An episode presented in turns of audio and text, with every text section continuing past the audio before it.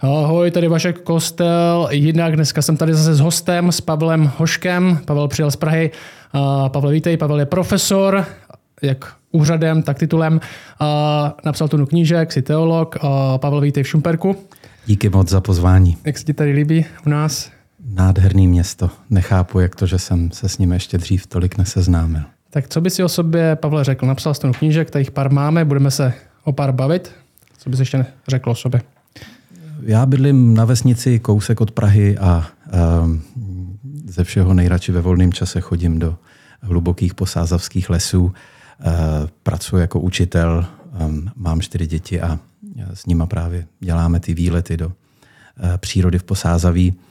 A uh, v posledních několika letech jsem se vždycky zamyslel nad některým ze spisovatelů, který pro mě vždycky hodně znamenali jako pro čtenáře a zkusil jsem o tom něco napsat, aspoň teda o nějakým, řekněme, duchovním rozměru, eh, který se dá najít v eh, knížkách eh, spisovatelů, jako C.S. Lewis, J.R. Tolkien a další. Máme tady, já tady mám Louise, Tolkiena, Foglara a Setona.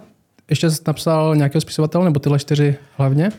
Napsal jsem taky knížku o chasických příbězích a jak se promítly do literárního díla několika spisovatelů, jako je Lee Wiesel nebo Izák Baševi Singer nebo český Jiří Langer. A Hasidí jakoby židovská ano. skupina. Ano, takový hnutí duchovní obrody ve východní Evropě, který se stalo inspiračním zdrojem taky na poli krásné literatury. Uh-huh. A co zrovna čteš sám, když nečteš, abys něco napsal, ale čteš třeba pro, pro vlastní potěšení, pro vlastní radost? Já se celý život vracím k těm uh, spisovatelům, o kterých ale zároveň jsem už taky něco napsal. Já mám, že vlastně jako máš rád svoji práci, by se dalo říct. Dalo by se to tak říct. No. Já se uh, vracím k pánovi prstenů, k letopisům Narnie. Vždycky je to pro mě takový uh, osvěžení a uh, vždycky tam objevuju něco nového. Uh-huh. Uh, říkal jsi, že vyučuješ, že jsi učitel, co teďka učíš? No, tak teď skončil semestr, takže teď zrovna uh, neučím nic, ale... Jsou ty učitelé pořád volno. teď bude uh, doba letních prázdnin a tak mám uh, domluvený různé přednášky, tak jako v rámci všelijakých jako letních aktivit a řada těch přednášek se týká právě toho, o čem jsou ty knížky. Takže občas mě pozvou skauti, abych něco pověděl o Foglarovi nebo Sítnovi a jakým způsobem tyhle významní eh, skauti eh, taky pracují s duchovníma motivama a eh, to se tak jako dobře hodí na to léto, takže mám vždycky mm, prostě připravené cesty na různý skautský tábory v lesích, kde mimo jiný teda taky debatujeme o tady tom duchovním rozměru skautingu. To si užíváš docela, to je ti, to je ti blízký. Baví mě to. Já si plním dětský sny. Já jsem o tom tak jako platonicky snil v dětství a moc to tenkrát nešlo. Když jsem byl dítě, jak byl scouting zakázaný, tak teďka mm. na stará kolena si to můžu dopřát. A na univerzitě hlavně, ty jsi na Evangelické teologické fakultě. Jsi na katedře religionistiky, ano. se neplatu. A máš něco, co, čemu se věnuješ třeba už dlouhý léta, jak když jsem byl na ETF už 10 let zpátky, tak jsem tě měl z judaismu, z islámu, si pamatuju. Ano, já mám za úkol učit přehled světových náboženství a potom vybraná témata, které nějakým způsobem můžou uh, posloužit uh, lidem, kteří se připravují na duchovní práci.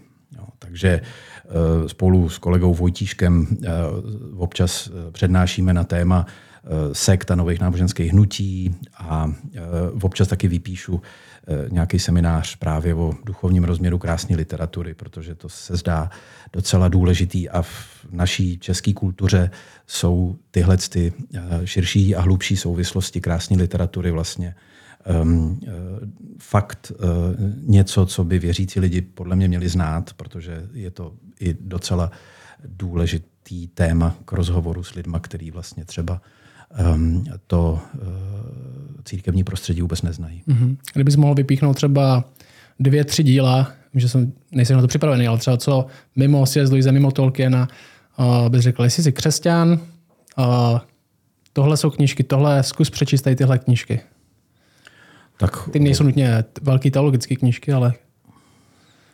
Já bych uh, v té poslední době, kdy jsem se jako víc teda zabýval právě tou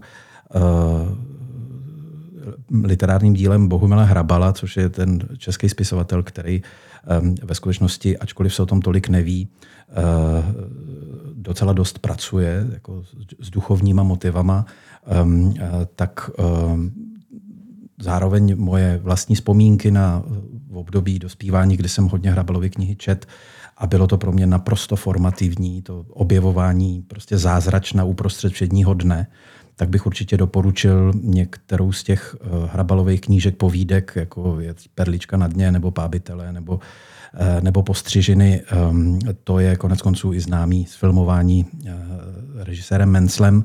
Připadá mi, že v tom nějakým způsobem zaznívá něco velmi příznačného pro českou duši, pro to, jak se v téhle zemi přemýšlí, jak se díváme na skutečnost, ale zároveň to má pozoruhodný duchovní přesah, který tam tak jako jiskří v náznaku.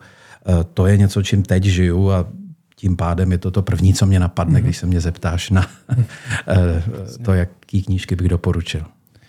Dobrá, tak máme před sebou téma a budeme se bavit o Luisovi a Tolkienovi. A ty jsi napsal knižky, knižky Sloužím tajemnému ohni, to je Tolkien, a ve víru velkého tance, to je C.S. Lewis. Kdyby teďka k tomu někdo možná poslouchá a říká si, viděl jsem Pána prstenů film, o Luisovi něco vím, Narnie a, a tak, ale kdyby možná takový ten big picture, velký obraz, kdo jsou tihle dva lidi a proč by nás měli zajímat jako křesťany? Hmm. Byli to přátelé, to je možná dobrý eh, říct úplně na začátek. Oni se seznámili jako kolegové eh, v Oxfordu, oba se zají, zabývali literaturou a jejíma dějinama a um, vlastně v okamžiku, kdy se uh, Tolkien a Lewis setkali, tak mezi nimi prostě uh, se rozvinulo ohromné přátelství založené na společně sdílené lásce ke krásné literatuře. Ovšem oba uh, přemýšleli o krásné literatuře taky z hlediska jejího uh, duchovního obsahu. Přesně řečeno, um, Tolkien a v tomhle byl Lewisovi učitelem, protože byl o několik let starší, um, tak um, měl velmi svébytný pojetí fantazie, jak vlastně vůbec fantazie um, uh, tvůrce, umělce, spisovatele, básníka uh, pracuje a jak se to vztahuje k duchovnímu rozměru skutečnosti. To bylo téma, který Louise vždycky zajímalo od dětství, ale potřeboval v tom nějaké nasměrování.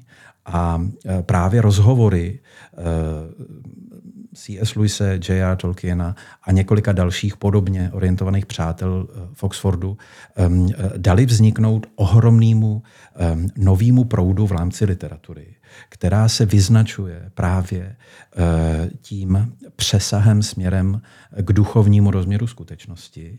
A eh, zdá se, že eh, to jejich životní dílo ve skutečnosti přišlo v pravou chvíli, protože ehm, v rámci křesťanství v Evropě se ta oblast fantazie, umění, to, co oslovuje nejenom rozum a svědomí, ale taky intuici a, a, a představivost.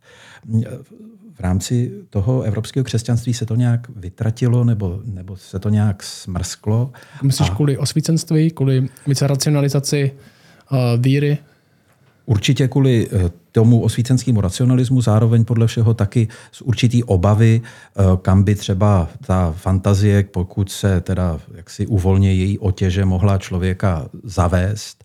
A e, ten, ten výsledný efekt teda nakonec jako jak Tolkiena, tak později C.S. Lewise ved k závěru, že žel, jestliže e, to křesťanství je vůči fantazii, vůči umělecké tvorbě, vůči kráse, takový jakoby plachý a zakřiknutý, tak něco strašně důležitého chybí tak se zdá, jako kdyby um, ta křesťanská víra dokázala možná oslovit rozum, možná nějakou morální stránku člověka, ale jako kdyby v oblasti krásy neměla co nabídnout, anebo zůstávala taková jakoby spíš opatrná a, a, a, a raději teda jako eh, tady v té oblasti vyklízela pole. Jo.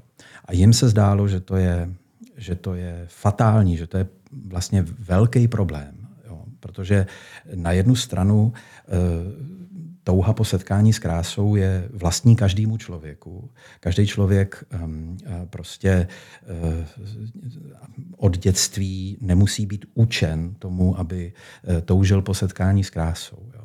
A uh, taková podoba křesťanství, která vlastně vůbec jako ne- nekomunikuje s touhle hlubokou touhou v lidském srdci, tak nutně teda vyvolává podle Luisa Tolkiena každopádně zkreslený pohled na to, co vlastně křesťanství je. A oni teda si vyhrnuli rukávy a pokusili se i jako e, sami nějak nejenom promyslet, ale taky uskutečnit e, nějaký zahojení toho odcizení mezi, um, mezi fantazí a, a, a rozumem v rámci křesťanství. A Pán prstenů nebo letopisy Narnie, to jsou takový uh, literární počiny, které se pokoušejí jako hledat to zhojení mezi hlavou a srdcem, nebo, nebo uh, smíření mezi těma dvěma uh, oblastma lidského nitra, aby nakolik křesťanství, víra, láska a naděje zahrnuje teda taky vedle, vedle dobra v morálním smyslu, taky vnímání krásy, jakožto projevu slávy stvořitele, uh, tak aby to taky zřetelně zaznívalo v těch výpovědích, třeba uměleckých výpovědích um, křesťanů, který sami svoji uměleckou inspiraci čerpají z hůry, z nebe. Mm. Je, je zajímavý, že, že máme C.S. Lewis a Tolkien se potkali v Oxfordu, milovali knížky, dali se dohromady a většina křesťanů, bych řekl, v České republice zná C.S. Lewis jako někoho, kdo psal a, tu křesťanskou literaturu. Lidi možná znají k jádru křesťanství, a Rady zkušeného ďábla, Velký rozvod, nebe a pekla. Tady tyhle knížky se dají, když půjdeš Praze do Luxoru nebo i do i v celkem normálním knihkupectví, tady tyhle knížky C.S. Lewis, Narnie určitě byly a, tři filmy a byly i britský, byly i britský, britský serany, jsem viděl, to moc, moc lidí nezná. A, ale je to spopularizovaný, ale za, zajímavé je, že když se potkali C.S. Lewis a Tolkien, tak uh, Tolkien byl křesťan, ale C.S. Lewis nebyl křesťan. Že jak, se, jak že přišel do Oxfordu a byl v podstatě uh, byl, byl v Oxfordu ještě ateista za začátku, nebo už byl do nějaké míry teista? Byl pořád ateista, si, že jo? Eh, rozhodně eh, to říkal. Mm-hmm. Jsou znalci Luizova díla, který eh, mu ten ateismus nevěří. Jo. On vyrůstal v tak, jakoby řekněme, tradičně křesťanské rodině a postupně tu dětskou víru, kterou nějak přejal od rodičů, jakoby ztratil nebo se jí odcizil na základě určitých eh, bolestných traumatických zážitků. Umřela máma, že, když byl ano, velmi malý. Když byl ještě dítě a eh, to byl ohromný otřes pro něj, který otřásl i jeho vírou, každopádně. A pak prošel teda tím docela děsným um, um, údolím vlastně úzkosti a strachu, uh, kterou teda celá jeho generace že jo, prošla v zákopech první světové války. Jo. To, to, to bylo prostě naprosto hmm. otřesný. Což a... je zajímavé, že, že, tam, a, že tam oba dva byli. Ano. A ano. zároveň byli v bitvě u Somy, která byla jedna z těch nejhorších zákopových bitev první světové války. Oba tam zažili zákopovou, tu pravou první světovou válku v zákopech v blátě, kde šrapneli, střílí do, lidech, do lidí, vedle tebe lítají. Oba dva tohle zažili. Přesně tak. No. A ovšem ten jejich uh, zážitek uh, byl uh, v době, kdy se to dělo velmi odlišný, protože na jednu stranu um, Tolkien byl v tuhle dobu jako hluboce věřící um, křesťan, zatímco Louis v tuhle dobu prožíval ten svůj jakoby hrdý rozchod s, s vírou rodičů a říká o té bitvě, eh, kde padlo milion vojáků, kde prostě se měsíce jenom brodili v krvavém blátě a bylo to teda podle podle svědků něco naprosto nepředstavitelně strašného. Spousta těch lidí, kteří to přežili, jak se zbláznili a, a tak dále. Tak, tak Louis o tom říká, nikdy jsem neklesl tak hluboko, abych se modlil. Tak tohle říká kluk z věřící rodiny. Jo. To znamená je vidět, že ta jeho jako rebelie vnitřní nebo to jeho odmítnutí toho um, asi ne úplně šťastně pochopeného křesťanství, jeho rodinného zázemí bylo jako velmi takový jako opravdový, jo, takový prostě celým srdcem. Jo. Že máme Nic... dvě rozdílné cesty, že obou dvou. Ano. Jeden v zákopech silně věřící, druhý by neklesl, aby, aby se modlil. Přesně tak. Ovšem, Louis jako o tom sám pozorhodně vypráví, že mimo jiný v tom v té knize Zaskočen radostí, což je takový jeho vyprávění, tak celou tu dobu um, zejména prostřednictvím literatury. Jo, bavíme se o důležitosti literatury. Jo, a on jako velký čtenář, jako velký milovník příběhů. A on četl od malička, že? Od malička. Úplný knihomol, hmm. dokonce hmm. se naučil číst dřív, než šel do školy a prostě to byla jeho velká, velká láska. Dvě měl velký lásky, eh, literaturu a přírodu. Jo. On byl prostě velký obdivovatel krásy přírody a, a, a taky teda um, krásy těch velkých příběhů literatury. A On zakoušel uh, něco neobyčejně silného, čemu tak úplně nerozuměl, právě jako když se pouštěl do těch, um, do těch příběhových světů literatury. A v tom prostředí Oxfordu se setkal s několika kolegy, jedním z nich byl právě Tolkien, který ho do jisté míry vlastně jako rozčilovali tím, že mluvili o velmi podobné silné niterné zkušenosti a zároveň to byli věřící křesťani, eh, kteří byli přesvědčení o hlubiny bytostné souvislosti ehm, eh, mezi zkušeností úžasu ehm, v setkání s krásou a eh, tou svojí vírou, kterou Louis nezdílel a zdálo se mu, že jako na jednu stranu sdílí úplně přesně ty pocity toho úžasu setkání s krásou v příběhovém světě literárního díla. Ale byla mu cizí ta myšlenka, že to nějak souvisí teda s vírou, že to nějak souvisí se vztahem k Pánu Bohu. Jo. A um, zároveň ale ty lidi obdivoval. On, on prostě byl um, o šest let mladší než Tolkien a jemu se zdálo, že je to um, vedle těch intelektuálních kvalit taky ohromně ušlechtilý člověk jo, a obdivuhodný přítel. Jo. No a protože se mu stalo, že několik z těch jeho přátel, který nejvíc obdivoval, a se kterými ho spojovali ty strašně silné zkušenosti s literaturou, tak ale se mu jako přihodilo, že, že, že jeden po druhém, jak zjistil Louis, eh, to byli křesťani. Jo. A teďka to v něm vyvolalo určitý vnitřní napětí a, a pral se s tím nějakou dobu. Až nakonec, jak to krásně teda vylíčí vlastně v té své knize Zaskočen radostí, jako, jako sám spatřil jo, tu souvislost, že prostě to setkání s krásou probouzí v člověku touhu, kterou nakonec nic Eh, pozemského nedokáže naplnit. Jo? Že to setkání s krásou nakonec člověku jako obrací oči k nebi, jo? k tomu nebeskému zdroji krásy, i když to dlouho vlastně eh, nemusí ani takhle vyhodnotit. Jo? Mm. Louis... Pro ně byl křesťanství další mýtus, že on měl rád ty uh, oba dva měli rádi ty skandinávské mýty. On byl teda hlavně profesorem středověké literatury, pokud se nepletu. Uh, nejdřív na Oxfordu, pak Cambridge dostal, dostal místo, později teda až. A oni dlouho debatovali v hospodě, že to byla jejich, jejich klasika na pivo snad až už od rána. Mm-hmm. 5K pivo.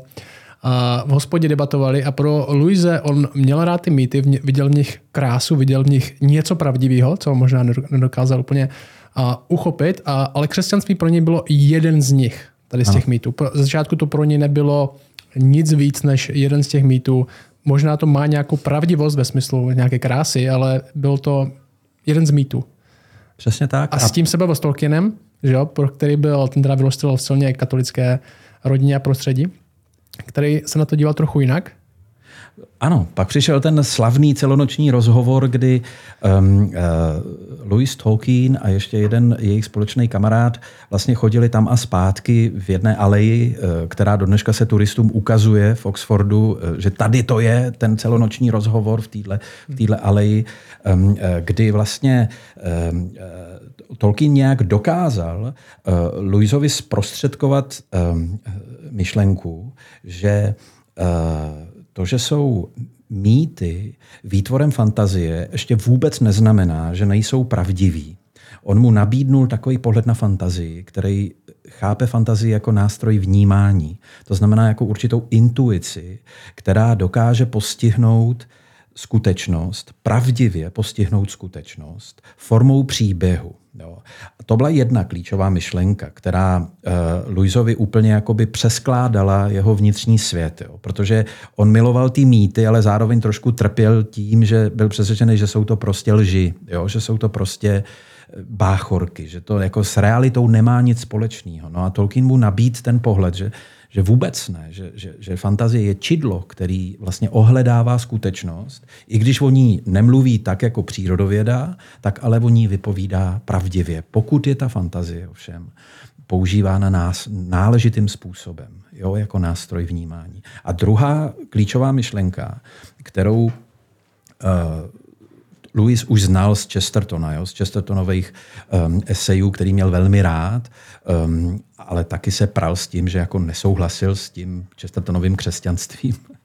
Um, a, a Tolkien mu tehdy v tom, při tom celonočním rozhovoru nabídnul ten pohled, že, že evangelijní příběh, eh, to znamená to vyprávění uh, podle Matouše, Marka, Lukáše a Jana, jak ho známe z Nového zákona, že, že to má mytickou kvalitu, že to, že to má stejný jako náboj eh, těch nádherných mytických příběhů, které známe ze starověkých tradic.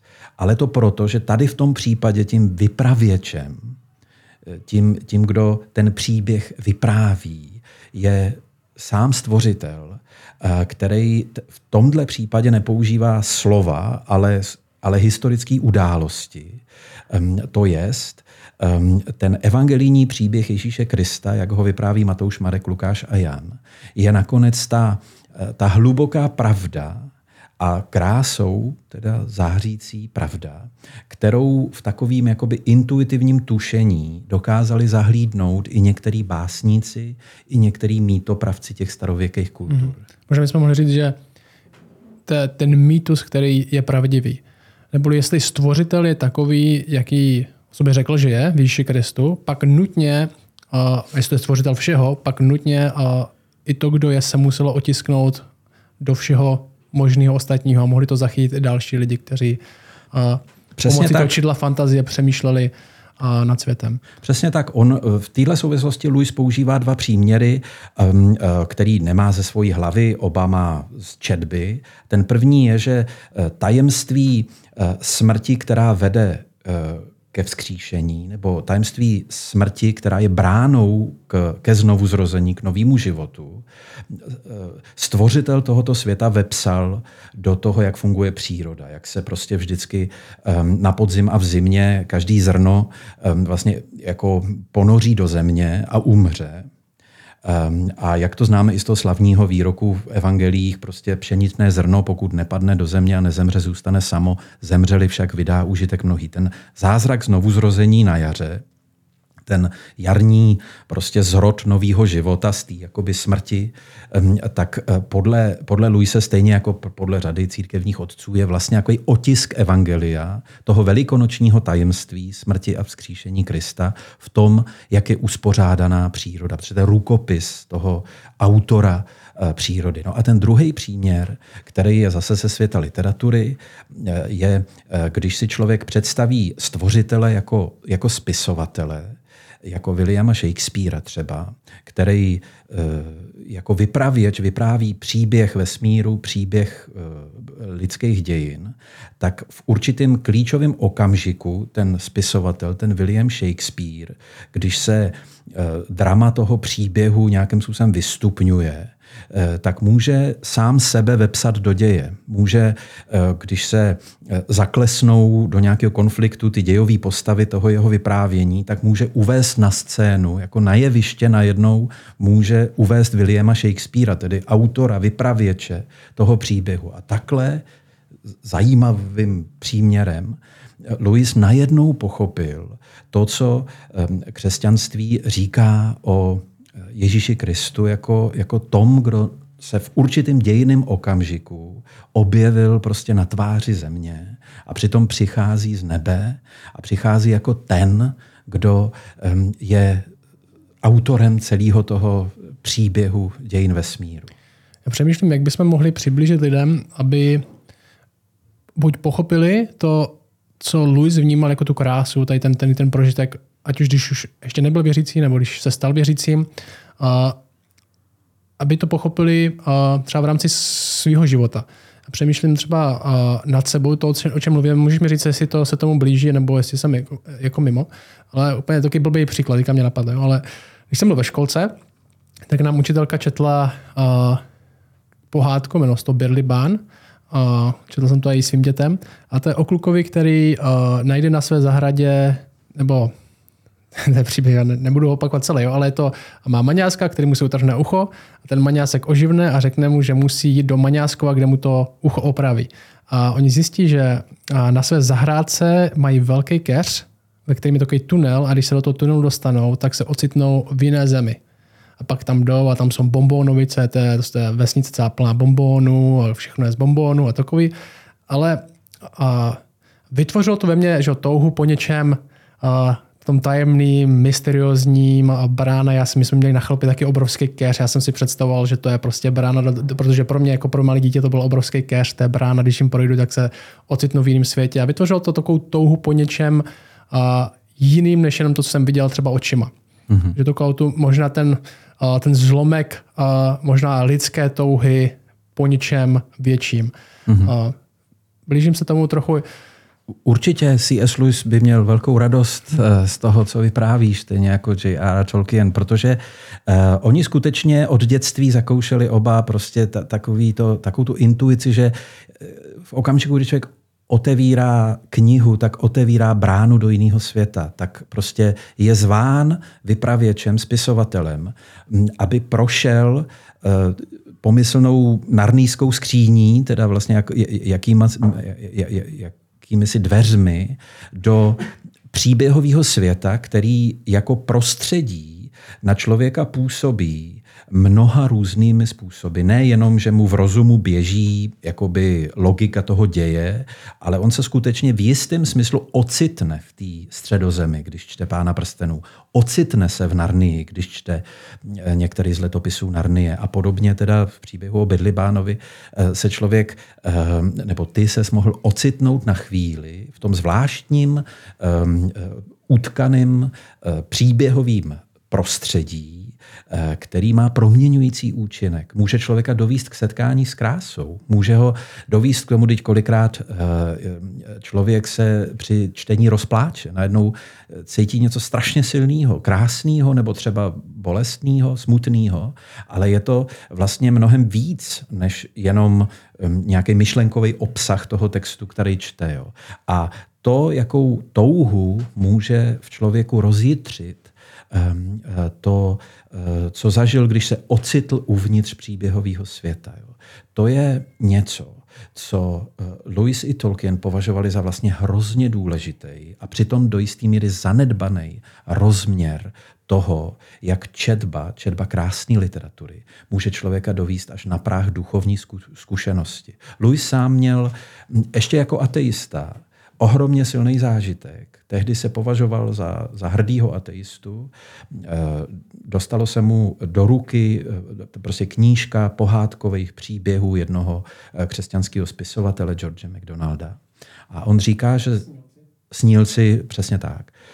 On říká, že tehdy zažil něco tak neobyčejně silného uvnitř té knihy, dokud teda spolu s tím hlavním hrdinou šel po těch jeho cestách, že Ehm, eh, o tom používá prostě takový pojmenování, že moje fantazie byla tehdy pokřtěna. Jo.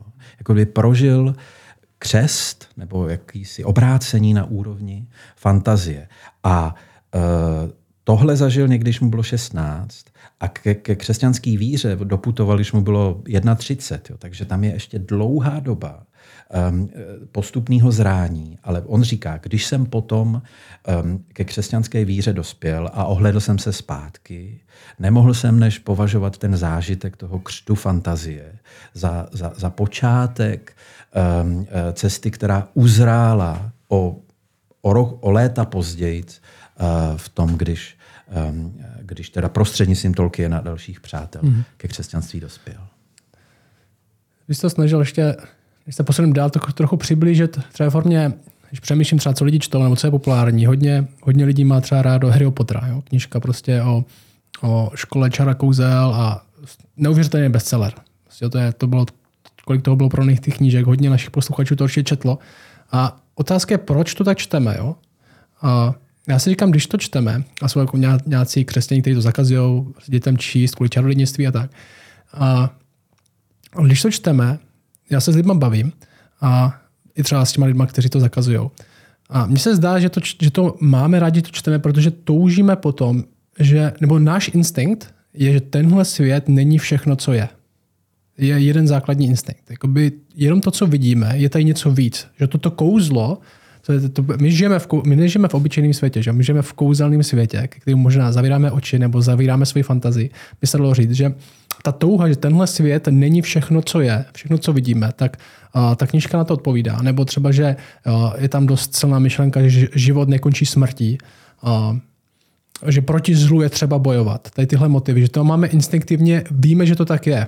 A vlastně cítíme tady ten, možná ten stesk podobově, nebo jak bychom to pojmenovali, cítíme v té knížce. A vlastně ten rozhovor, ten C.S. Lewis je v tom momentě, kde tenhle, tyhle příběh čte a vidí tam, a vidí tam tu pravdu, že vidí tam a, tohle vytváří to ve mně radost, smutek, stesk po něčem možná, co neznám a, a Tolkien vlastně a znovu můžeme opravdu si, jako, si vymýšlíme. Ale Tolkien mu vlastně říká, že ten příběh Ježíše Krista, ten pravdivý příběh, že to je to jádro toho. Jo, že, že když čteme Harry Pottera a máme tam, tenhle svět není všechno, co je, protože tenhle svět není všechno, co je. Ten Harry Potter to není pravdivý v tomhle smyslu příběh, to je, to je fikce, ale je to fiktivně zachycená pravda, mm-hmm. že mhm. tenhle svět není všechno, co je. A ta skutečnost v tom Ježíše Krista je do nějaké míry snad mě nikdo neoznačil heretika, otištěná i v, tady v tom přemýšlení o tomhle světě, i když uh, fiktivním. Eh, Tolkien to vyjadřuje velmi odvážně, ačkoliv se jinak uh, leckdy tak jako plaše držel stranou a snažil se příliš třeba do svého uměleckého projevu um, výslovný odkazy na křesťanství uh, nezapojovat, jo? protože se obával, že by z toho mohlo být něco kýčového. Ale v eseji o pohádkách, který velmi důležitým způsobem dává nahlednout do toho, jak on vůbec rozumí fantazii a jak rozumí teda vztahu mezi příběhem s velkým P, tedy tím, co pro něj, jako pro křesťana, je tím uh, ústředním příběhem lidských dějin, teda příběh, jako vypráví Matouš, Marek, Lukáš a Jan. Takže tenhle příběh se podle jeho přesvědčení nějakým způsobem propisuje, otiskuje, zrcadlí v každém velkým a dobrým příběhu. Ehm, pokud jsou příběhy literatury opravdu dílem fantazie, užívaný jako nástroj vnímání, tak eh, Tolkien opravdu věří tomu, že střípky pravdy nebo drobné eh, prvky té pravdy, krásy a dobra, který vlastně pocházejí z nebe, eh, najde vnímavá mysl a vnímavý srdce v příbězích, ve zdařilých příbězích krásné literatury. Jo. Proto, Jestli příběh za něco stojí, tak je to díky tomu, že tam je otisk od toho nebeského příběhu. Tak se v tom zrcadlí eh, střípek nebeského příběhu s velkým P. Tohle on říká v závěru té eseje. Dokonce byl kritizován za to, že to najednou takhle jako e, má vlastně teologický vyústění, jo? Že, že, že najednou on se z profesora filologie najednou v závěru té eseje stane vlastně vyznávajícím křesťanem, který to takhle propojí. To je, to je strašně zajímavá pasáž a je to taky ta myšlenka, kterou Tolkien vyjádřil ve dlouhý básni, básni, kterou napsal pro C.S. Luise eh, pod dojmem toho celonočního rozhovoru, který už jsme zmínili. Jo. Ta báseň se jmenuje Mytopoeia a a je vlastně dediko, je věnovaná C.S. Lewisovi a obsahuje tyhle myšlenky, jak se dá z křesťanského pohledu hledět na um, fantazii jako nástroj vnímání, který, která občas zachytí to, co přichází z hůry, to, co je opravdu nebeského původu. Mm-hmm.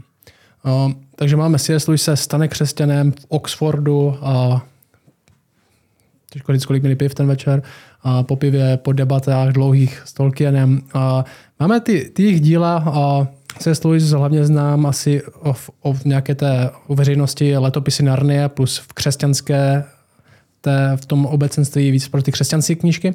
A, a Tolkien napsal Pána prstenu, to prostě všichni, všichni znají. Zároveň C.S. Lewis asi ve své době, když oba dva byli naživu, byl asi slavnější než Tolkien. Je to tak?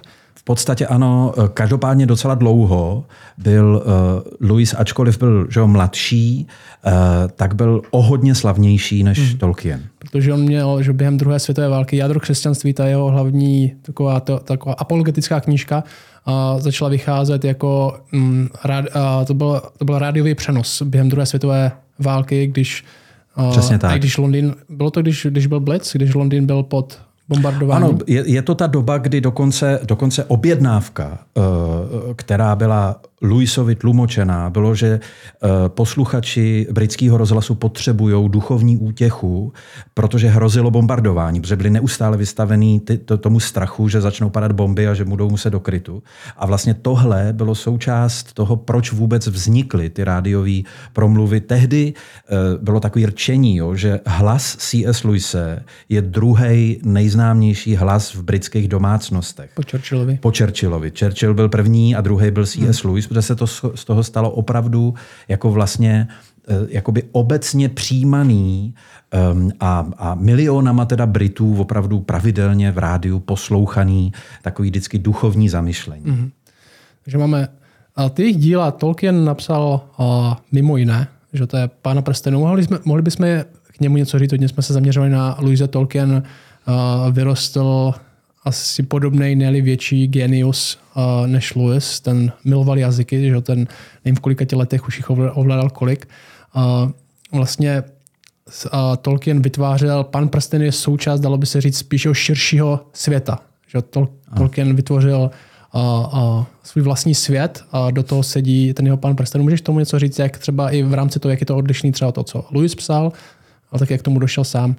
Um Tolkien byl opravdu jako člověk uh, nadaný uh, nejenom mimořádně, ale nejméně dvěma velmi odlišnými talenty, který obvykle se nesetkají v jednom člověku. On byl básník, nadaný nesmírnou fantazí, v mládí taky chtěl být básník, ne spisovatel, a zároveň to byl vědec s ohromnou erudicí v, obraz, v oblasti jazykovědy, eh, jo, kterou ale vášnivě miloval. Jo. To nebyla jenom nějaká jako suchá vědecká záležitost.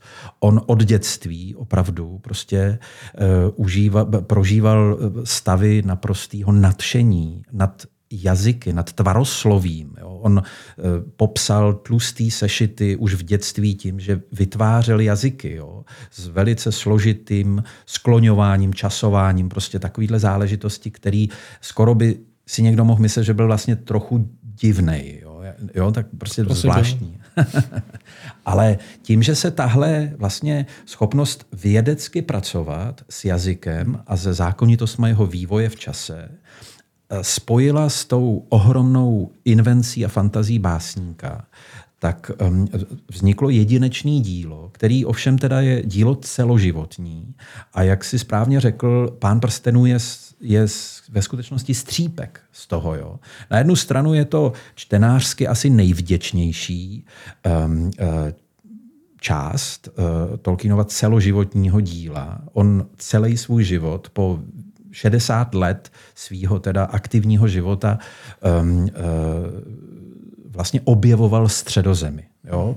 On se dožil poměrně vysokého věku, víc než 80 let, ale po většinu svého života on, a schválně říkám, ne vymýšlel, ale objevoval středozem. Jo? On byl opravdu důsledný v tom svém přesvědčení, že fantazie je nástrojem vnímání a že tu zvláštní říši, kterou známe pod názvem, názvem středozem, objevuje, ne, že ji vymýšlí.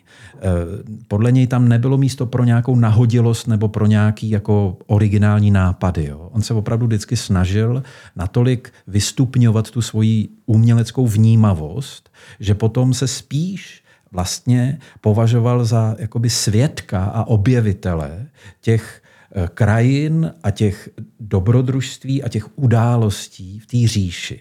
Zajímavý a pozoruhodný je, že eh, tenhle svůj přístup k umělecké tvorbě on ve skutečnosti spojoval s, biblickou výpovědí o e, stvoření člověka k božímu obrazu. On to vždycky bral tak, jako ti jeho ti spisovatelé středověku, ke kterým vzhlížel, že člověk je na lidské úrovni povolán k tomu, aby tak jako tvůrce vesmíru, nebeský stvořitel, tvoří slovem, povolává k bytí to, co není, tím, že řekne budíš světlo, jak to čteme na začátku Genesis, tak to, že člověk je stvořen k božímu obrazu jako odraz nebo zrcadlo boží slávy, se projeví taky v tom, když člověk je vlastně malý stvořitel. Hmm. Když člověk používá fantazii, když používá svoji tvořivost k tomu,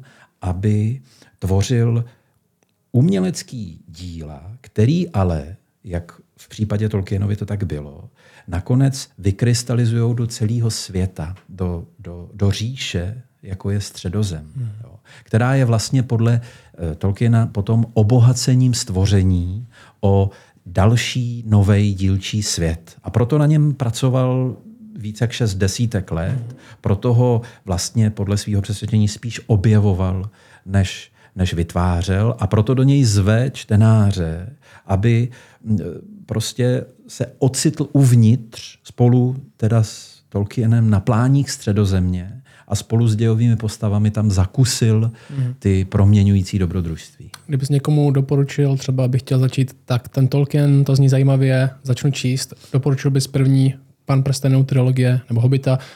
Tohle, tohle jsou první knižky, které bys doporučil na čtení? Ano, já bych řekl, že jsou nejdůležitější a sice existuje pro eh, nadšence 12 svazkové kompletní vydání dějin středozemě, který zahrnuje právě všechny verze a fáze toho. Tolkienova sepisování dějin středozemě. Včetně toho, že tam řada těch příběhů je v několika verzích. Je to pět tisíc stran, je to opravdu police v knihovně. Ale pravdou je, že Pán prstenů, jakožto hrdinský epos, který opravdu mm, za stálého povzbuzování e, ze strany C.S. Lewise během 14 let e, nakonec Tolkien napsal tak, aby ho byl ochoten pustit z ruky, protože on ve skutečnosti za svého života publikoval, uveřejnil jenom několik procent toho, co napsal. Jo? Že to neustále jakoby vylepšoval a nikdy s tím nebyl úplně spokojený. Ale Pán prstenů e, a, a s ním související Hobbit, to jsou ta uh, hlavní díla um, a vnořit se teda do, um, do středozemě cestou Hobita a Pána prstenů je podle mě rozhodně hmm. teda nej, nej, nejlepší doporučení. A co bys řekl, jako lidi, uh, hodně lidí, co četlo Pána prstenů, nemuseli být že vůbec křesťani, to je úplně je to jakoby světový hit, uh, tak, tak třeba nutně v tom nevidí minimálně nějak, nějak okamžitě nebo přímo křesťanství, nebo nutně by řekli, co, to je prostě, to má být jako něco s křesťanstvím, což ani nutně nebylo, že samo o sobě. Je to velmi rozdílný asi od letopisu Narnie, který dost jakoby jasně mají křesťanské motivy. Co bys řekl lidem, kdyby, když mluvíme o tom, že křesťan píše nějakou tady takovou a, a velmi jakoby Uh, nebyl, Tolkien nebyl žádný vlažný křesťan. Že? To je, uh, křesťan píše epos, uh, hrdinský dokonce. Uh, co by řekl lidem, kteří do toho jdou s tím, že tam jdou najít to křesťanství? Pokud si nechají poradit od samotného spisovatele, který se tady k té otázce vícekrát vyjadřoval a i vyšel výbor z jeho dopisů, um, kdy Tolkien odpovídá čtenářům Pána prstenů, kteří si ho ptají právě na to, jestli mají v tom díle chápat jako nějaký jinotaj, alegorii, hmm. která naznačuje prostě nějak pravdu křesťanství a tak. Tak on na to vždycky odpovídá tak jako laskavě a zdvořile, ale zároveň teda, aby, aby rozptýlil nedorozumění, tak říká, já nepíšu tak, že bych se pokusil um, svoje křesťanské přesvědčení zahalit do hávu nějaký alegorie. Jo? Dokonce on říká, že nemá rád alegorii, že mu připadá, že alegorie je docela často vlastně kýč a ne úplně dobrý umění. A taky, že je trošku manipulativní ve vztahu ke čtenáři, že mu jakoby moc napovídá, jak má s tou uh, svojí čtenářskou zkušeností naložit. On... To proč ani ne, neměl byl docela velký kritik Narnia, že? Ano, jemu se zdálo, že eh, C.S. Lewis v letopisech Narnie poněkud příliš explicitně, až někdy tak jako trošičku kazatelsky um, obléká pravdy křesťanství, který spolu sdíleli. Jo? Ten, ten, jak si správně řekl, eh, Tolkien byl velmi zbožný křesťan, jo? jako hluboce zbožný, ale on se domníval, že umělecká výpověď musí jaksi vznikat v prostoru eh, tvůrčí svobody, eh, která není omezená nějakou urputnou snahou přesvědčit čtenáře o nějakým konkrétním světonázoru. A když to umělec dělá, když je tak přesvědčený o nějaký ideji, že ji prostě vetkává do třeba básně, tak to většinou pak není dobrá báseň. Eh, ten Tolkien by daleko víc spolehal na to, že nakolik jeho vlastní umělecká výpověď vychází z velmi zbožného srdce a z velmi zbožné mysli, tak když se ten čtenář ocitne uvnitř, ocitne se uvnitř děje pána prstenů, tak zakusí určitou kvalitu, pro kterou možná nebude mít jméno a už vůbec proto nebude mít třeba biblický pojmenování, ale eh, Tolkien v tomhle opravdu spoléhá na to, že to v tom čtenáři, když se ocitne uvnitř, opravdu um, bude působit proměňujícím účinkem a že to nakonec povede k tomu, uh, co jsem před chvilkou zmiňoval, že se děje v setkání s krásou. Že to v člověku rozítří touhu, která nakonec jeho um, oči může pozvednout k nebi, k nebeskému zdroji krásy. Ale Tolkien by nikdy neřekl, že to psal proto, aby nakonec tak nebo onak toho čtenáře jakoby přivedl do kostela. Jo. To, to, to se domníval, že není jeho úkol a vždycky byl velmi v tomhle plachej, jo, aby, aby ne, nebyl považován za, za, za, za takového nějakého lovce duší. Mm-hmm. Není tam žádná skrytá zpráva, že tohle znamená tohle a my jsme to museli rozluštit, ale jestli jsme tam něco našli, pak jsme to našli tím, že a, to vypovídá opravdu jenom tím, že to je samo o sobě, že to reflektuje ten, ten příběh asi. Že? Protože tam ty motivy jsou, že uh, jak si je Lewis, tak uh, Tolkien, to stvoření toho země je slovem nebo možná doslova písní, že Aslan, Aslan promluví, uh, píseň se děje a i uh, pánu prstenu, nebo ne přímo pánu prstenu, ale jak je tak... Silmarillion. Jo. Mhm. Takže ty podobné motivy tam jsou. Co je, uh, co je ten tajemný oheň, který mu uh, Tolkien slouží?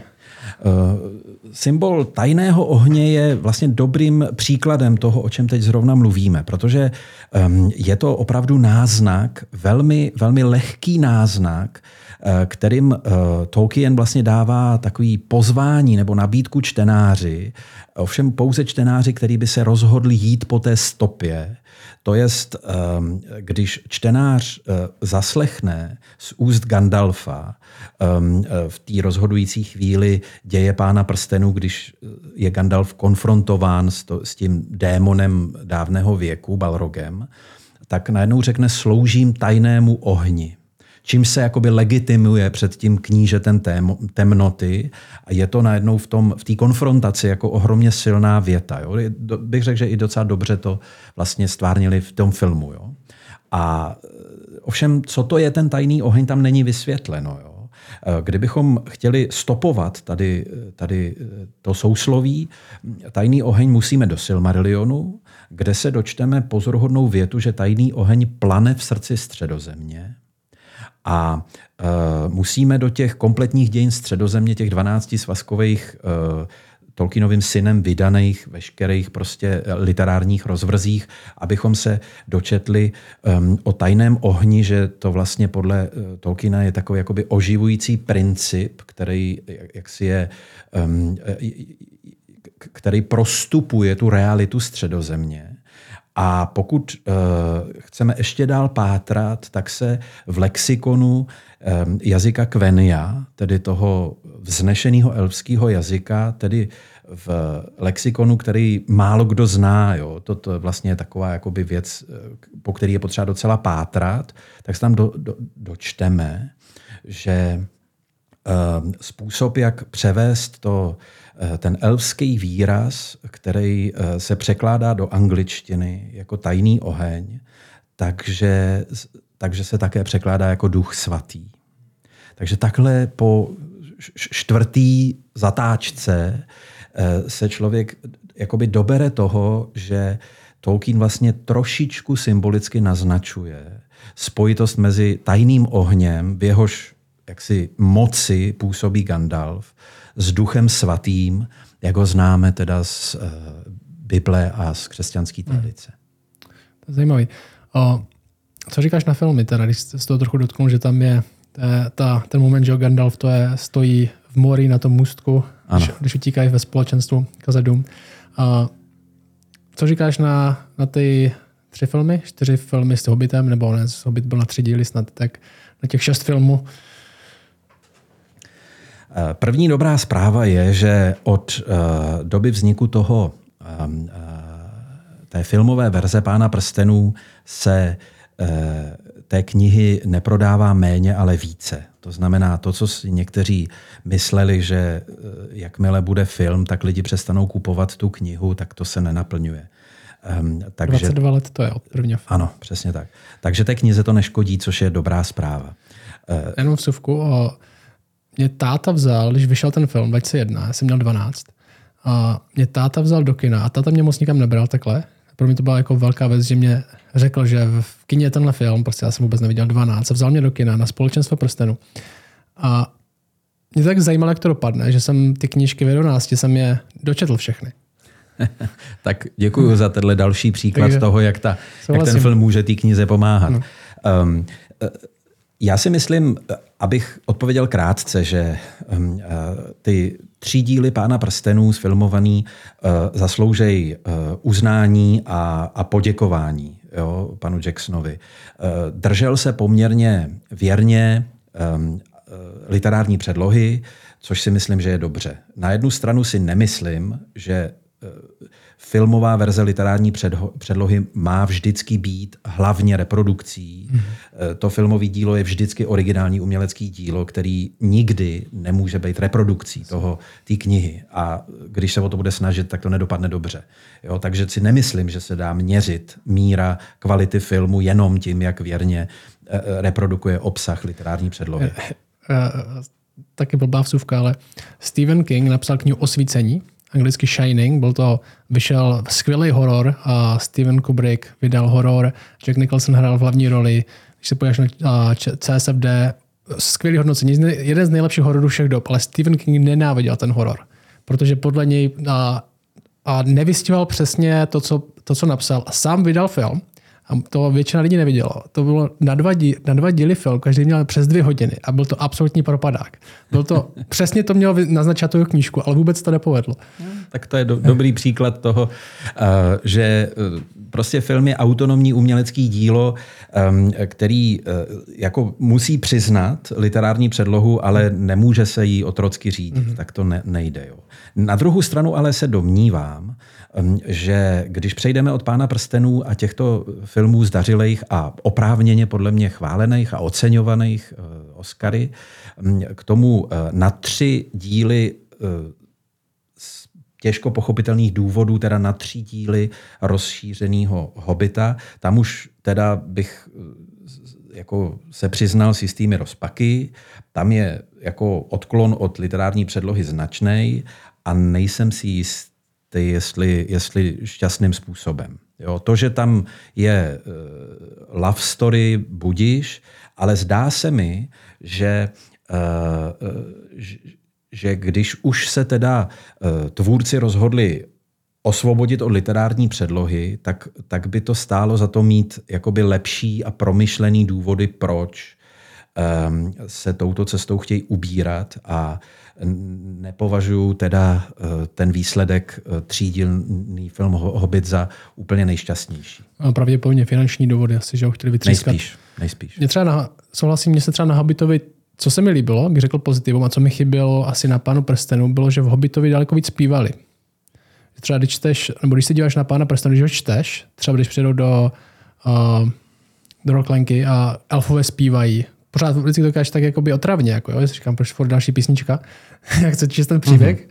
a, tak nebo, že trochu to, to, jiná atmosféra, než úplně z toho, než úplně z toho filmu podstatě. Je, je to pravda a myslím, že Tolkien eh, by měl radost z toho, co říkáš, protože on On byl ve skutečnosti nesmírně um, jako hudebně um, uh, laděný člověk. On sice na jednu stranu jako nehrál na žádný hudební nástroj, ale on vždycky zdůrazňoval hudební stránku řeči.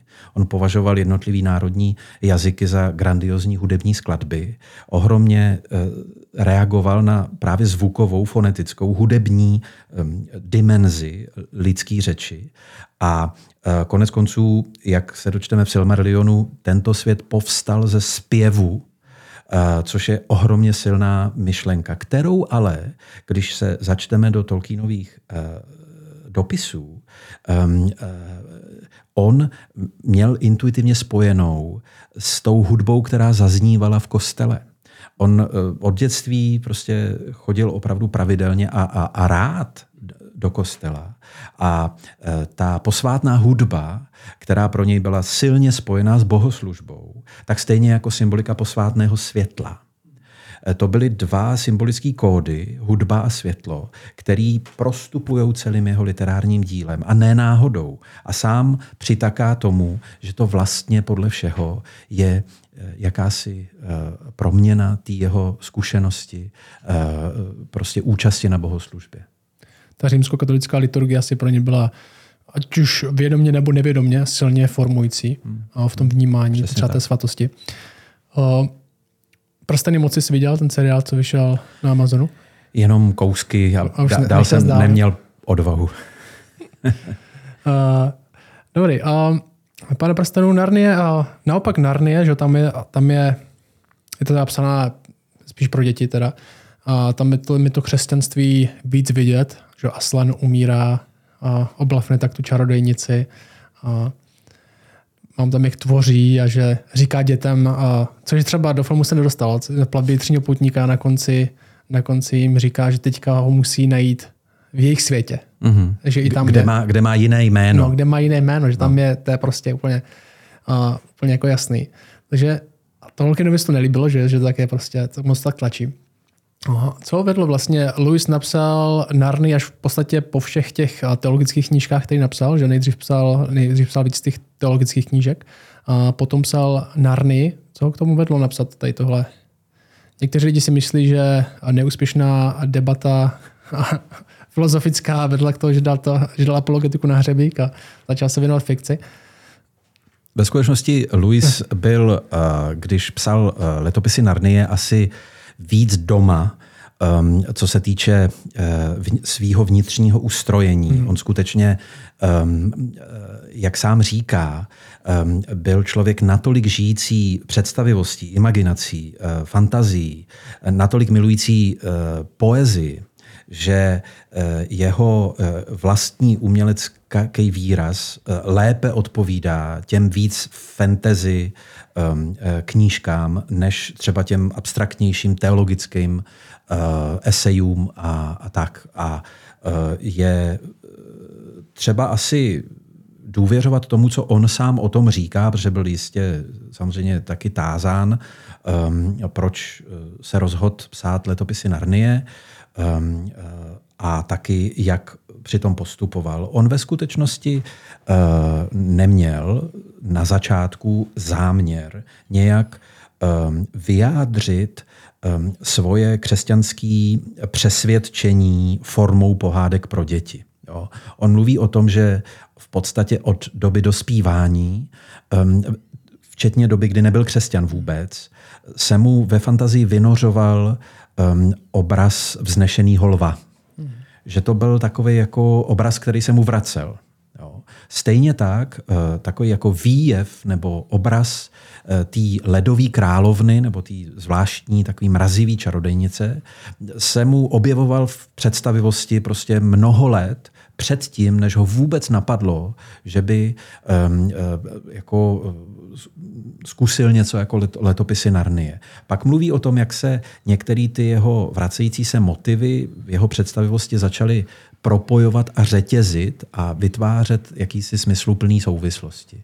A takhle, že to vznikalo. Čili ne s tím, že by chtěl nějak um, alegoricky vyjádřit uh, křesťanství, ale, ale prostě, že v něm nějak nazrála ta um, chvíle uh, prostřednictvím pohádky, prostě pohádkového na dětského čtenáře, skutečně mířícího způsobu vypovídání, vyjádřit to, co nějak naléhavě jako cejtil. Jo. A pak se mu to samozřejmě pod rukama začalo všelijak, všelijak modelovat, všelijak krystalizovat a pak tam některý ty um, jako docela čitelný křesťanský významy um, uh, vetkal, to nepopírá, ale nebyl to jeho původní záměr. Prostě se to pak jako takovýmhle způsobem samo začalo vyvíjet. Mm-hmm. Bych, uh, vlastně ten jeho, ten jeho motiv, uh, zase můžeš, můžeš tomu něco říct, to neříkám správně, ten jeho motiv bylo, že on chtěl, aby čtenář, který když bude číst, a, a vlastně to chtěl asi i Tolkien, aby se setkal s tím, s čím se oni setkali, co považovali za krásné, aby tam ať už potkal uh, to boží působení přímo, zažil tu krásu, zažil ten tanec. A já mám, mě strašně líbilo, tady mám taky dva odstavce z tvé knihy. Uh, tam, je, tam si napsal tohle. Uh, uh, měl totiž jako Louis zásadní výhrady vůči osvíce, osvícenskému pojetí Boha. Domníval se, že snaha vytvořit definici božího bytí přijatelnou z hlediska osvícenské racionality vedla k vážné teologické chybě, která může mít neblahé následky. Bůh v mezích čistého rozumu, se kterým se nezřídka pracuje moderní teologie a náboženská filozofie, je totiž jiný než Bůh, o kterém vypovídají příběhy starého a nového zákona, o kterém svědčí živá náboženská zkušenost věřících lidí. Je to spíš pojmový diagram než ten, ke kterému modlitebník vala o pomoc, kterého žalmista opěvuje a zpívá. Takový Bůh nikoho neděsí, nikoho nefascinuje, určitě nikoho nepotrestá a určitě nikoho nezachrání, nehněvá se a nemiluje. Možná je to záruka mravního řádu, jakési nevyslovitelné něco nad námi, duchovní základ vesmíru, absolutní duch a tak dále. Každopádně je to ale především co si zcela obecného, zbaveného vší pohoršlivé konkrétnosti. A pak řekl, Bůh, o kterém Louis ve svém literárním díle vypovídal, je pulzující život, dynamické dění, nebeský zdroj krásy, pramen lásky, je to Bůh velkého tance. Je to Bůh, který nejenže uvádí tanec do pohybu, on tím tancem je. Děkuji za uh, citaci těchto Luisových slov. Ve skutečnosti já jsem je spíš poskládal, protože uh, je zatím slyšet ohromná niterná zkušenost. Uh, Luis byl opravdu, ačkoliv teda akademik, tak byl vlastně člověk ohromné, niterné, um, um, vášně, dalo by se říct. On uh, se domnívá, že Eh, ve snaze o zdvořilý rozhovor eh, s oduševnělými posluchači ehm, eh, křesťani někdy vyvolávají dojem, že i obsah toho, čemu věří, je mdlý, abstraktní a bez chuti a zápachu. Jo? A tohle se mu zdálo jako, jako tragické nedorozumění. Proto on mimo jiný formou letopisů Narnie, ale řady těch taky um, jako pasáží svých jiných knih, na kterými se tají dech, že člověku to prostě hrká slzy do, do, do očí nebo se um, rozburácí smíchy. Uh, Louis měl za to, že prostě plnost našeho lidství, to znamená vedle rozumu a svědomí taky představivost, taky intuice, taky emoce, zaslouží nějak být osloveny evangeliem. Konec konců evangelium, příběh Ježíše Krista, to přece není eh, nějaká eh, abstraktní definice, nebo to není prostě nějaká suchá teorie, že jo? to je vyprávění v konkrétnosti, takřka smyslově, hmatatelně, dotýkatelně eh, vykreslený jednotlivé situace v Ježíšově životě, jeho setkání s eh, eh, přáteli, nepřáteli a tak dále. A tahle, eh, tahle forma božího sdělení člověku, který je takhle celistvý, který takhle oslovuje jeho, jeho představivost a nejenom jeho rozum, podle Luise je pozváním a pobídkou nebo podnětem, pokynem, aby věřící lidi hledali taky v hudbě, taky v poezii, taky um, ve výtvarném umění způsob, jak vyjádřit to, čím jejich srdce přetéká. Jo. Hmm. Aby, aby, aby tady nezůstal ten dojem těch mdlejch abstrakcí, eh, který uh, začnou naplňovat vzduch, když někdo vysloví slovo Bůh. Hmm. Zajímavý. O, strašně líbí jeden z asi z nejsilnějších určitě momentů při četbě Luise, byl jich několik. Jeden, co si pamatuje, konec, ale poslední bitva, konec, že oni vidí ty, vidí ty hory a teďka si říkají, to to známe, ale je to prostě jiný a snaží se přijít na to, kde vlastně jsou. A pak, pak zjistí, že to je vlastně, to jsou ty hory z Narny, ale jsou, že jsou nějaký jiný, jsou prostě větší, jsou pořádnější a oni řeknou ten důvod, proč uh, jsme Narny tolik milovali, protože nám připomínala tohle. No. Protože nám připomínala skutečný domov. Že? Ten, ten svět, ve kterém jsme teď je, je stín, je taková chabá realita toho, co přijde. Když uh, proč jsme měli rádi tu část, když jsme četli, když jsme četli Pána prstenů, nebo proč no, tohle nás budilo to koutou, protože nám to připomnělo něco, pro co jsme ve skutečnosti stvoření. Ano, to je ohromně silná uh, myšlenka, jak u Luise, tak u Tolkiena, že totiž, uh, že totiž to setkání s krásou vlastně v člověku probouzí stesk po pravým domově že, že ten, ten kentaur v Narnii řekne, když se najednou ocitne v té nebeské slávě, tak řekne, konečně jsem doma. Tohle je to, co jsem celý život hledal.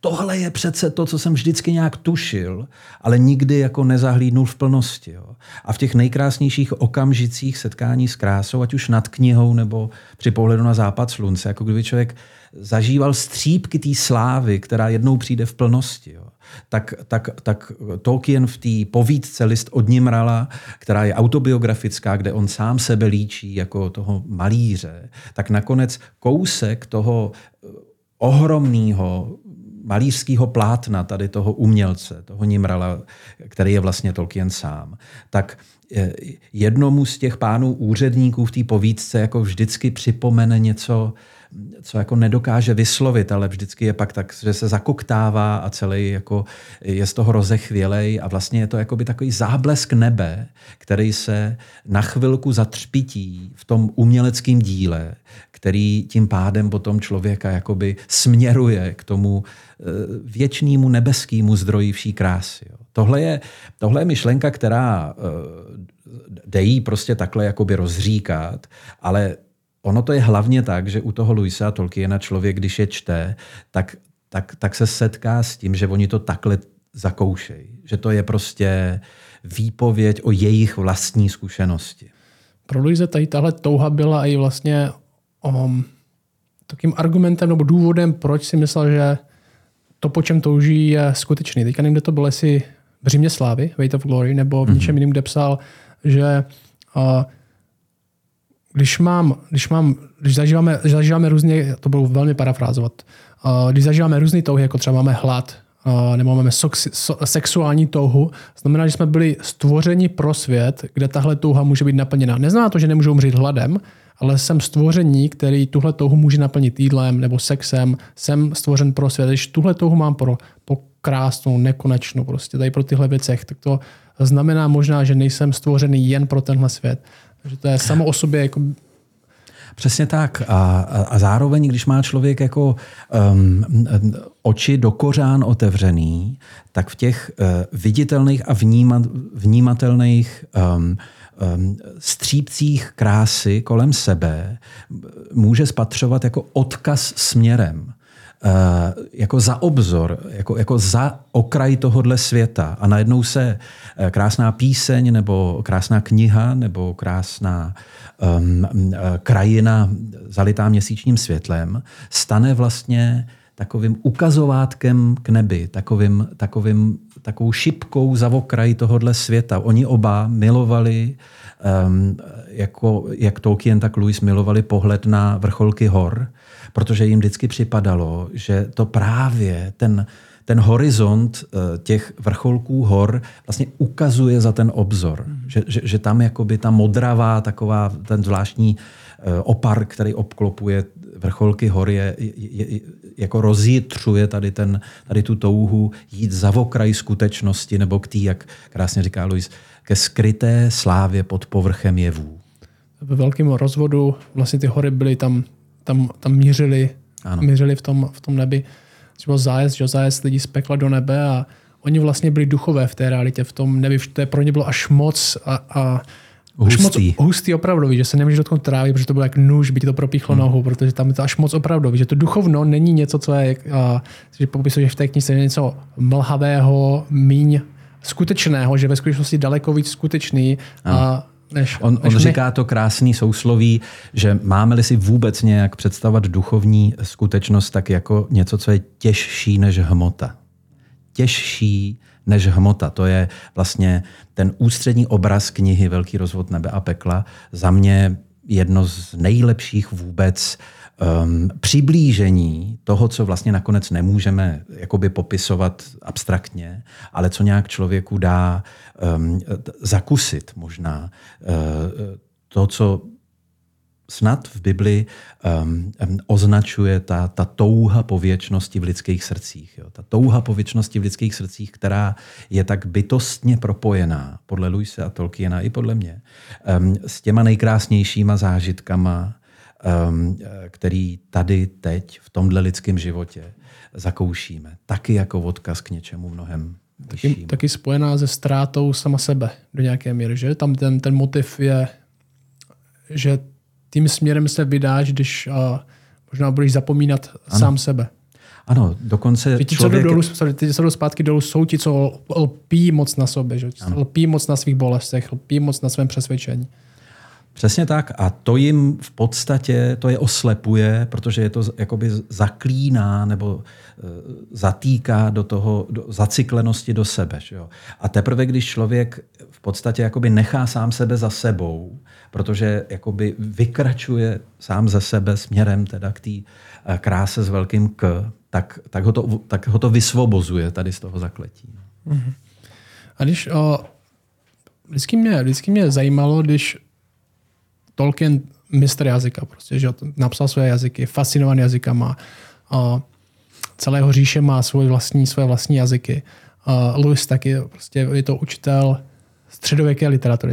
Měli, měli ten klub Inklings, jsme ani nezmínili, měli ten literární klub, kde si vlastně přednášeli možná poprvé své díla, kdy se zájemně kritizovali a, a Lewis, jak říkal, spozbuzoval Tolkien, aby konečně toho pána prstenu vydal, protože ten, jak ten Nimrod nikdy nebyl spokojen s tím dílem, nikdy ho nedokončí. A mistři jazyka a teďka my máme před sebou český překlad. A moje otázka je, mám to pána prstenů číst v angličtině, nebo to Narny Luise v angličtině nebo v češtině? Stojí to za to vůbec, když umí člověk anglicky, aspoň tak, aby to přečetl. Stojí to za to, to číst v češtině vůbec? Podle srovnávací studie eh, je eh, český překlad Pána prstenů ve skutečnosti jeden z nejzdařilejších. Jo, ta, ta česká překladatelka Pána prstenů, která teda samozřejmě navázala na překladatele Hobita, který tady směl výjít eh, už za minulého režimu, um, tak um, uh, nakolik je to možné, opravdu uh, vytvořila uh, svébytné umělecké dílo. Ono totiž Tolkiena nejde, nejde úplně otrocky překládat z toho prostého důvodu, že on sleduje vždycky zároveň zvukovou a zároveň významovou rovinu. Například u jmen je to nejnápadnější. On chtěl, aby se hobití dívky jmenovaly jako květiny. Mhm. A v momentě, kdy člověk se tu rose rozhodne přeložit jako růžu, um, tak to zvukově posune, ale, ale v té češtině zaznívá ta růže, ta kytka. Jo? Ale věd křepelka, no my jsme asi jako Češi rádi, že, že, že, že se jmenuje takhle domácky křepelka, protože ta domáckost je pro hobitín hrozně důležitá. Jo? Ale on se jmenoval Gamgee, že jo? A Teď je otázka, co, co by bylo lepší, jestli aby to znělo zvukově, tak jak to Tolkien se rozhodl, že to má znít, a nebo aby to mělo ten významový, um, což že, ne, nefunguje v překladu z jednoho jazyka do druhého. Takže vzhledem k tomu, že to je úkol nesplnitelný, tak uh, se to dá víc nebo méně zkazit. A já si myslím, že zrovna teda, co se týče českého překladu Pána prstenů, tak jsme dopadli velmi dobře jo, na to, jak se tomu dalo uškodit. No ale každý, kdo má dost dobrou angličtinu eh, na to, aby si na to mohl troufnout a kdo má smysl pro dobrodružství, tak samozřejmě uh, ho nelze než povzbudit, aby se vydal do Middle Earth um, a nezůstával jenom ve středozemi.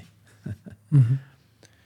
Um, co bychom mohli teda lidem říct, uh, proč to číst? Řekli jsme něco na začátku a nejenom, nejenom C.S. Lewis a Tolkiena znovu, ale všechny ty tyhle velký příběhy, dobře napsané příběhy, lety oskoušený, doporučený příběhy. A člověk se říká, tak mám omezené množství času, tu Bibli si občas přečtu a ještě abych do toho četl. Co jim to může přinést? Um, já se domnívám, že uh, ta základní, um, základní diagnóza, kterou Tolkien i Lewis vyslovovali nad povahou uh, současné evropské kultury a současného evropského křesťanství, že totiž to křesťanství rozvinulo některé svoje uh, silné stránky, ale uh, ta dimenze krásy, ta dimenze krásy, ze které se tají dech, ta dimenze krásy, která pozvedá oči člověka k nebi, k věčnému zdroji krásy, jako kdyby v tom evropském křesťanství ve 20. století nějak um, uh, jako zakrněla. A je to velká škoda, protože řeč krásy, to je řeč, kterou jako mluví současný člověk mimo církev. Um, to je samozřejmě taky v něčem minový pole, jistě se tam dá jako taky zabloudit a, a, a nebo všelijak chybovat, ale um, to, že se s tím dá taky naložit nešťastně, um, nestačí jako důvod, proč by prostě křesťanství mělo takhle vyklidit pole v oblasti, eh, která je pro eh, pro nás jako lidi, pro, pro sycení duše, ve skutečnosti strašně důležitá. A ona to není pravda, že by křesťanství mělo co nabídnout jenom rozumu a svědomí. Ono opravdu míří na, na eh, ten náš vztah ke kráse úplně bytostně. Jo. Mně se hrozně líbí ta myšlenka, že, že ten, ten, ten evangelijní příběh, ten příběh, jako vypráví Matouš, Marek, Lukáš a Jan, je vedle toho všeho ostatního, čím je, je taky ně, ně, něco, ně, něco nesmírně krásného. Že to, že to má tenhle rozměr. Hmm. A že tím pádem člověk máli uh, sytit svoji duši uh, v, v oblasti velké potřeby, kterou, která je ale od Pána Boha. Že jo? On nás tak stvořil, že, hmm. že nás krása rozechvívá. Um, a, a navíc, pokud uh, je tady možnost si o uměleckých dílech těchto kvalit, které opravdu se staly mainstreamovým, um, um, mainstreamovou záležitostí, jako je Pán prstenů, jako jsou letopisy Narny, jako jsou Karafiátovi broučci, že jo? jako je další uh, uh, umělecká tvorba uh, hluboce věřících umělců, um, který pronikli do mainstreamové kultury, podle mě je strašně důležitý a dobrý pro křesťany téhle zemi, aby, aby dokázali jednak vnímat a vděčně přijímat ty, eh, jako ty, ty dary, ty poklady těch uměleckých výpovědí. A zároveň je to ohromně teda eh, plodná, eh, plodný pole rozhovoru a dorozumění mezi těma, kdo věřící jsou a těma, kdo ještě věřící nejsou. Mm-hmm. Řekl taky, že jako pro křesťany pravda je naše. Že, no, jako, že se můžeme v tom smyslu jako že máme všem pravdu, ale uh, že se můžeme taková svoboda a radovat se z pravdy. Ne, nevím, jak to mám jako vystihnout, jo, ale... Jak říká a... ten slavný církevní otec, vše, co pohané řekli pravdivého, patří nám křesťanům. No, takhle. A to je hezký a je to, je to myšlený pokorně, to vůbec není pišný. Že se můžeme radovat jakoby střípku toho.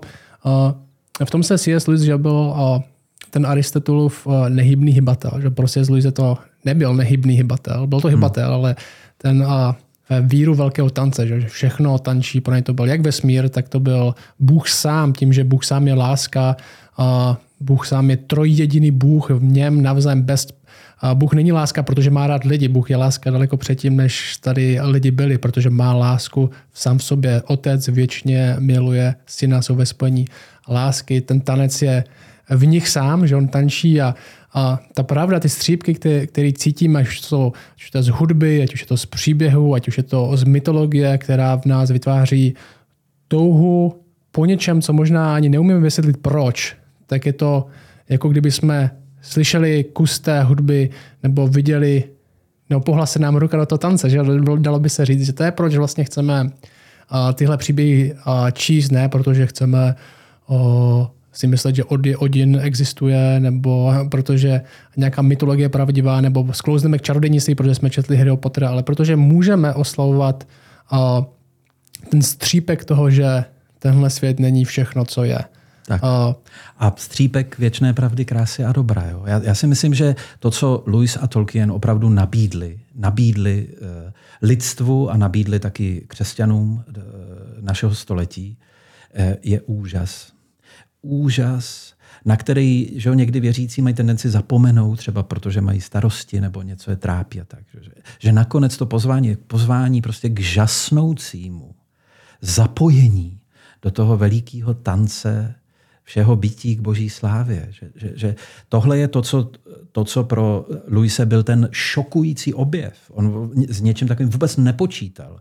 Když jako už vlastně docela jako téměř na Prahu středního věku, jemu bylo 31, tak když mu najednou se to křesťanství odevřelo jako něco, nad čím se tají dech úžasem a co zve člověka, aby se prostě zapojil do toho velikého tance sebedarující lásky.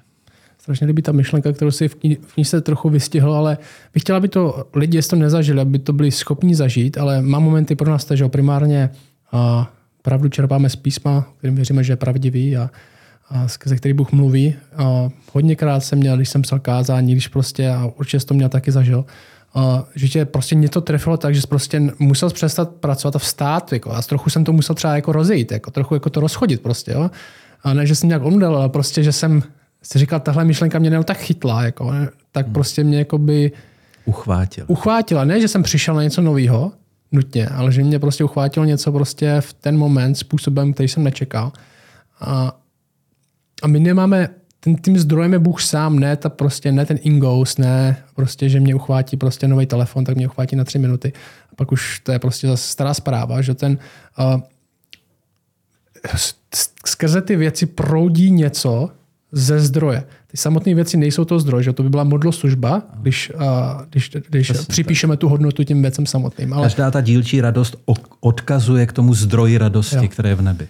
A že to je prostě to uchvácení tady, tady tím může prostě proudit skrz všechny možné věci. Že nakonec jako křesťani prostě i ty nejvíc konzervativní fundamentalisti, my jsme v Šumperku hodně konzervativní, věříme, že Bible je autoritativní, pravdivá a bezchybná v tom, co učí. Ale a Bůh mluví, taky zároveň věříme v obecný zjevení. Že? Ta, hmm. ta, a, ta klasická jakoby křesťanská a teologie, že Bůh promluvá obecně ke všem lidem a konkrétně, speciálně skrze písmo a skrze osobu Ježíše Krista primárně. Je pravdivá oboje, že obecný, obecný zjevení Bůh promluvá skrze to, co stvořil, můžeme vidět otisk stvořitele.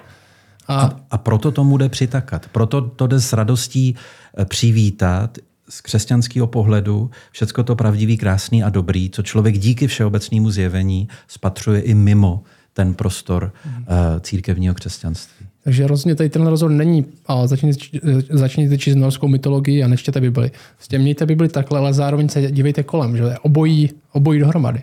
Tak, tak. Protože díky jednomu dokážeme i porozumět lépe tomu druhému. Tak. O, až něco tě napadá? No tady ukončíme že klidně můžem. Tak díky, Pavle, že jsi přijal do Šumperka, že jsi se mnou povídal o kráse. Díky za krásný rozhovor. Já moc děkuji za milé pozvání do tohoto krásného místa a města. Tak jo, tak jdu na oběd. Tak čau.